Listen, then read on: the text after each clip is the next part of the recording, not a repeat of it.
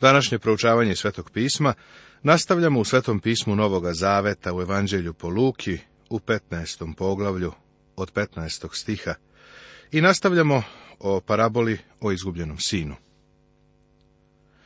Neko će odmah reći, pa ovaj mladić je grešnik i doživeće spasenje.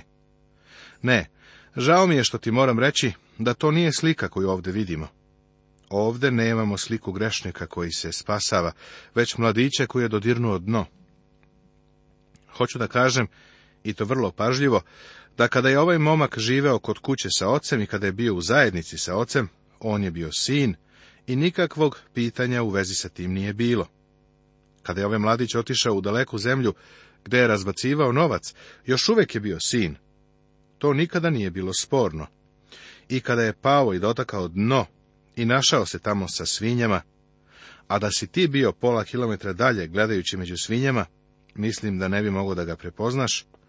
On ni tada nije bio svinja, bio je sin. U ovoj priči koju je gospod ispričao, nikada nije bilo sporno da li ovaj mladić jeste ili nije sin. On je sve vreme sin. Neko kaže, onda to nije evanđelje. Da, i to je evanđelje. Međutim, treba da razumemo o čemu primarno ova priča govori. Priča kazuje o tome kako se grešnik spasava, ali i otkriva srce oca, koji ne samo da će spasti grešnika, nego će i primiti sina koji greši.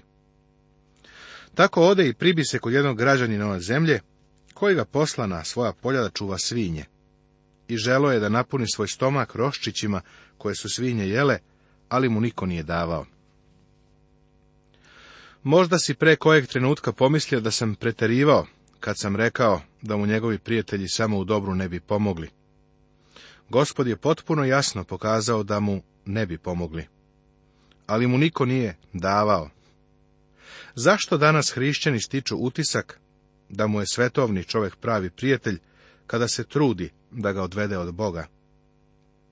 Pa vernici imaju takav utisak.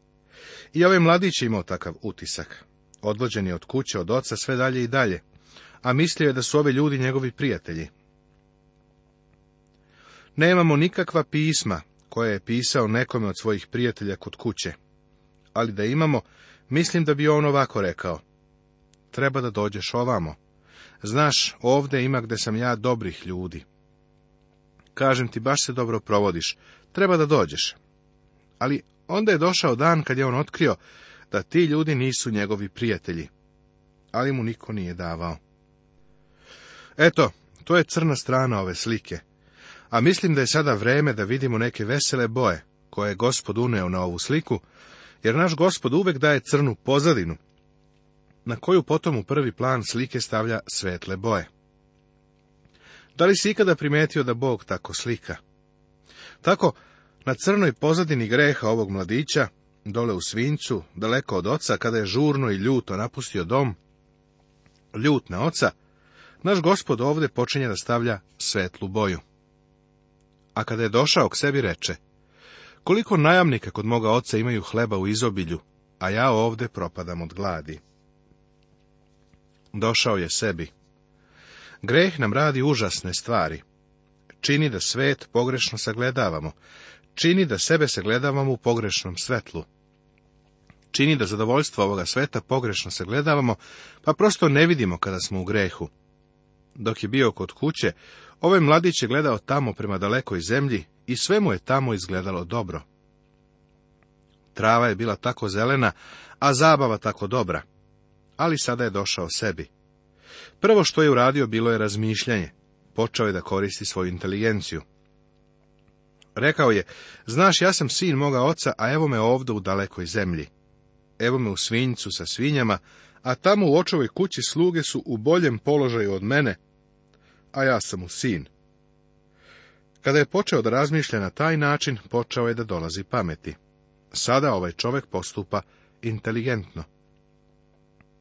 Ustaću i otići ću svom ocu i reći ću mu, oče, zgrešio sam nebu i tebi. Nisam više dostojan da se zovem tvoj sin. Primi me kao jednog od svojih najamnika. Evo sada svetle slike. Ovo je najsvetlija, najblistavija od svih, i to je slika divnog doma o kome smo pričali. O, to je divan dom, to je očeva kuća. Gospod Isus je rekao, u kući moga oca ima mnogo mesta. To je ta kuća. Kuća je tamo u pozadini, a ja vidim kako otac gleda kroz prozor. Gleda kroz prozor još otkako je njegov sin otišao. A znaš li zašto on gleda kroz prozor? Znao je da će se jednoga dana taj momak teškim korakom niz put približavati kući. Neko će upitati, Megi, veruješ li u ono jednom spasen, uvek spasen? Moj odgovor je da. Neko će pitati, veruješ li da hrišćanin može upasti u greh? Moj odgovor je da. Može li hrišćanin ostati u grehu? Moj odgovor je ne. U očevoj kući otac posmatra i kaže, svi moji sinovi se vraćaju kući. Mojim sinovima se ne sviđa svinjac, jer oni nemaju prirodu svinje.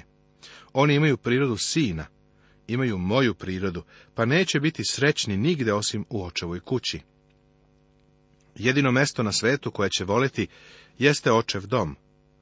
A baš svako od mojih sinova koje odu u daleku zemlju i dospe u svinjac, uprkos tome koliko se isprlja ili koliko duboko padne, ako je moj sin Jednog dana će reći, ustaću i otići ću svome ocu.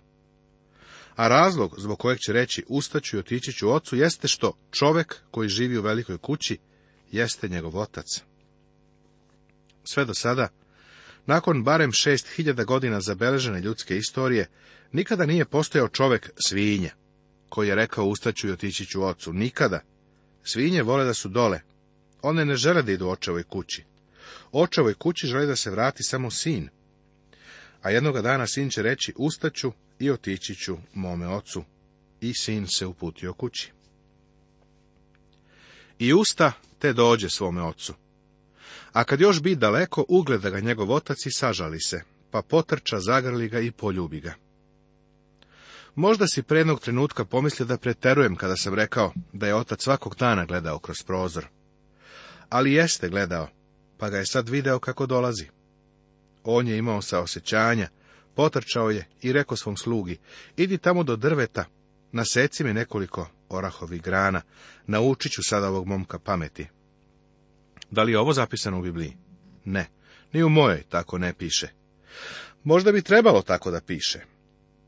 Pod Mojsijevim zakonom, otac je imao puno pravo da neposlušnog sina izvede pred starešine i da ga tamo kamenuje na smrt. Ovaj otac je imao savršeno pravo da kaže Ovaj momak je uzeo moje ime, moj novac, moje imanje, pročerdao ga je, osramotio je moje ime, prebit ću mu svaku koščicu. Imao je pravo da to učini. Ali ovaj otac je učinio nešto zadivljujuće. Kada je gospod došao do ovog dela priče, kada je naneo svetle boje, svi prisutni su zatreptali. Rekli su, ne možemo da verujemo u to. Dovoljno je loše što je dotakao dno tamo sa svinjama, ali je još gore što ga je otac ponovo primio u kuću, a da ništa nije učinio. Trebalo je da ga kazni. To nam se ne sviđa, trebalo je da ga kazni. Primećuješ li šta je otac uradio? Dozvoli da tačno pročitam. I usta te dođe svome ocu. A kad je još bio daleko, ugleda ga njegov otac i sažali se, pa potrča, zagrli ga i poljubi ga. Ovaj je u ritama udara na svinje. Tamo stoji momak, a otac ide grli ga i ljubi. A sin mu reče, Oče, zgrešio sam nebu i tebi.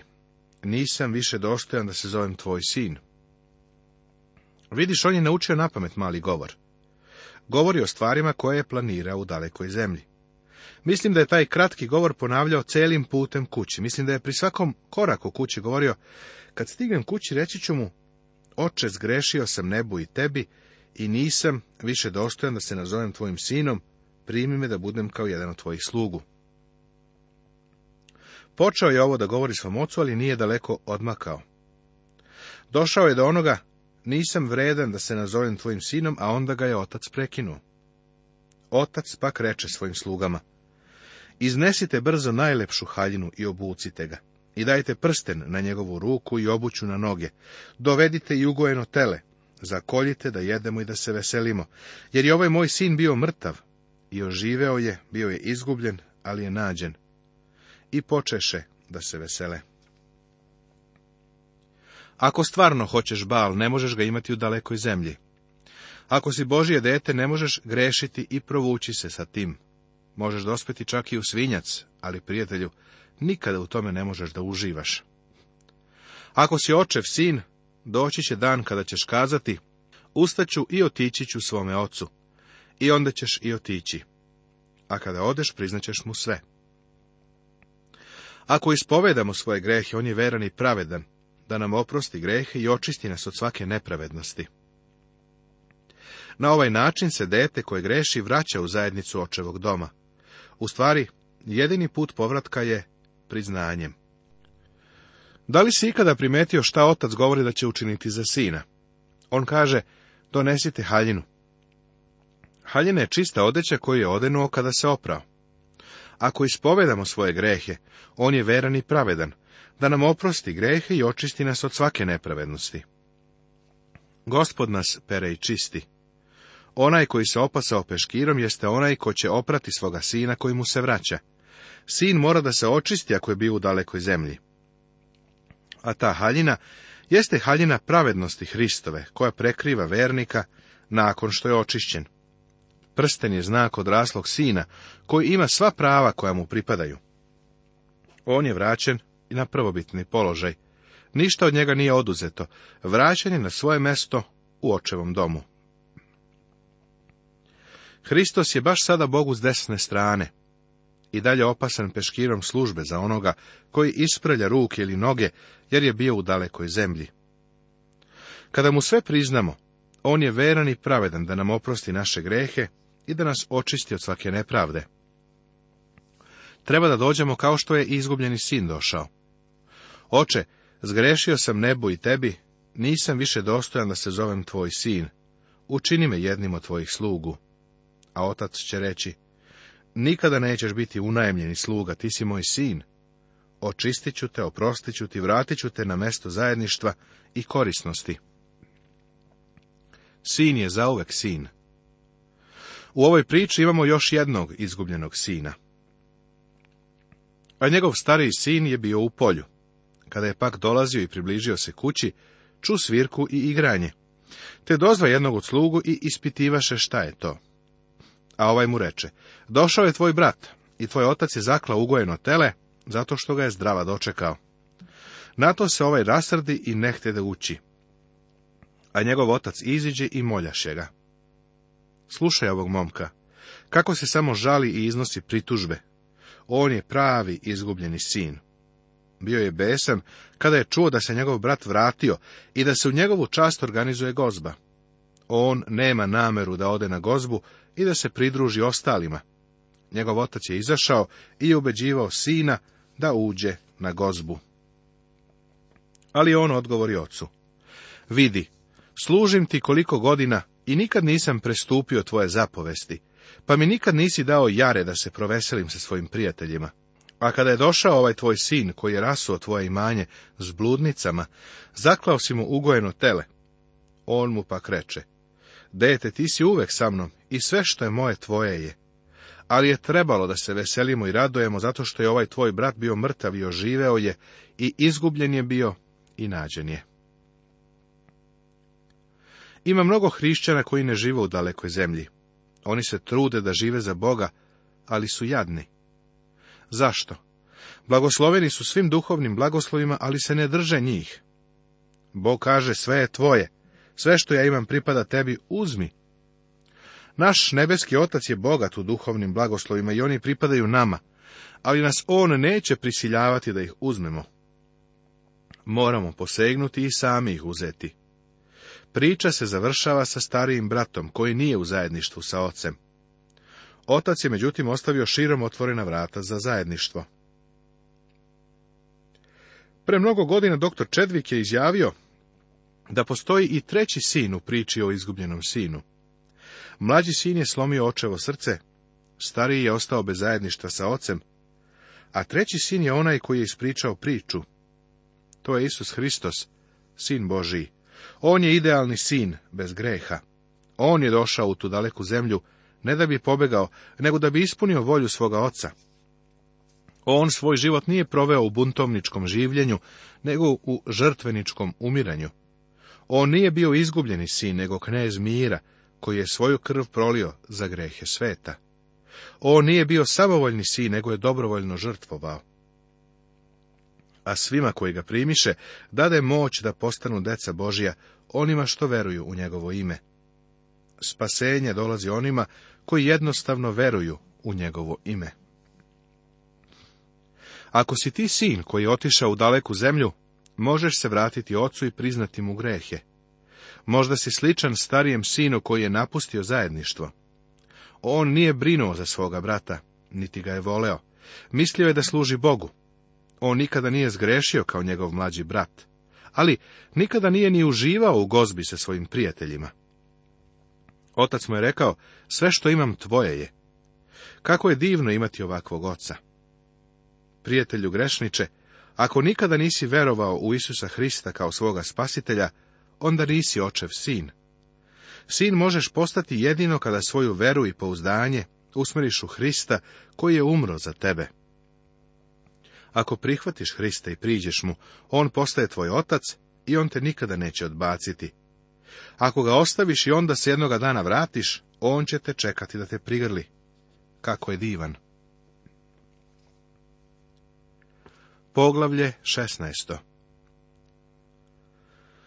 U ovom poglavlju imamo dve divne priče koje je gospod ispričao, a samo ih doktor Luka beleži.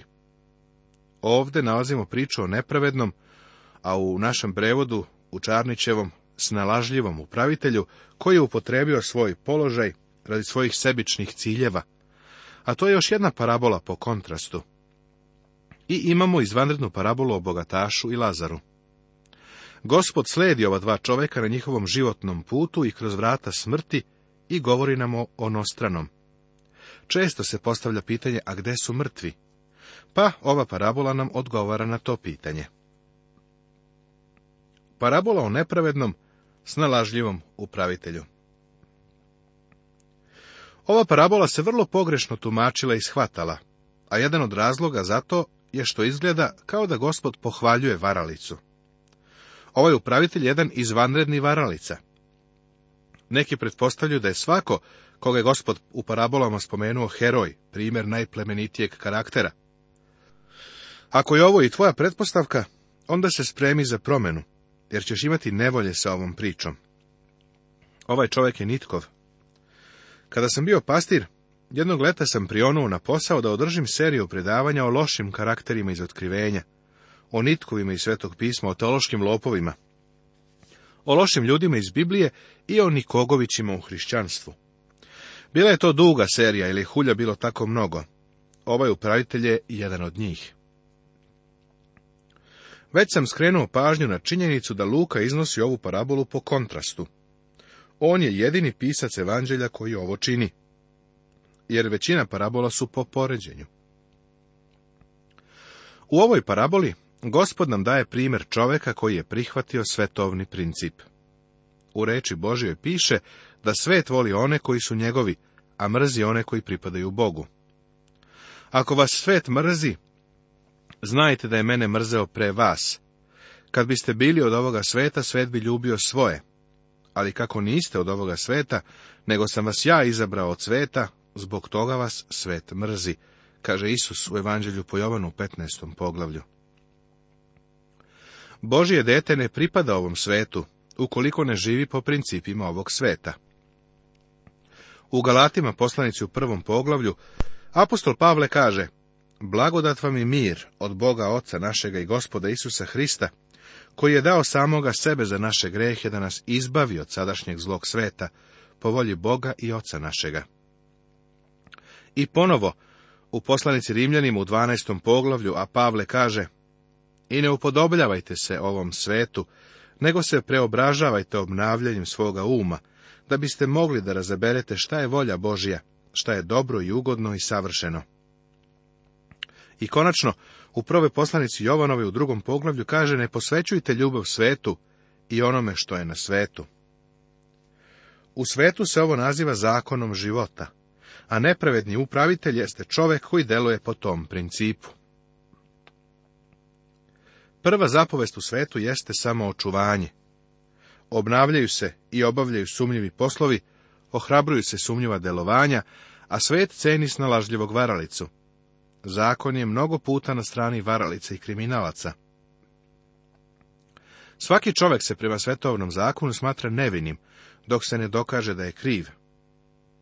Reč Božja zauzima suprotan stav. Bog kaže da je čovek kriv sve dok se ne dokaže da je nedužan. On ovako kaže, svi su zgrešili i izgubili su slavu Božiju. Čovjek nikada ne može biti nedužan pred Bogom, ali se može opravdati pred njim. Stoga sad nema osude za one koji su u Hristu Isusu. Kad čovjek uzveruje u Isusa Hrista kao svoga spasitelja, biva opravdan verom. Ovo je jedini način na koji čovjek biva opravdan. A govorio je i učenicima bio je jedan bogat čovek koji je imao upravitelja imanja i ovoga su optužili kod njega da rasipa njegovo imanje. Ovo je priča o bogatom čoveku i njegovom nepravednom upravitelju. Upravitelj je čovek koji je zadužen za dobra imanja nekog drugog čoveka.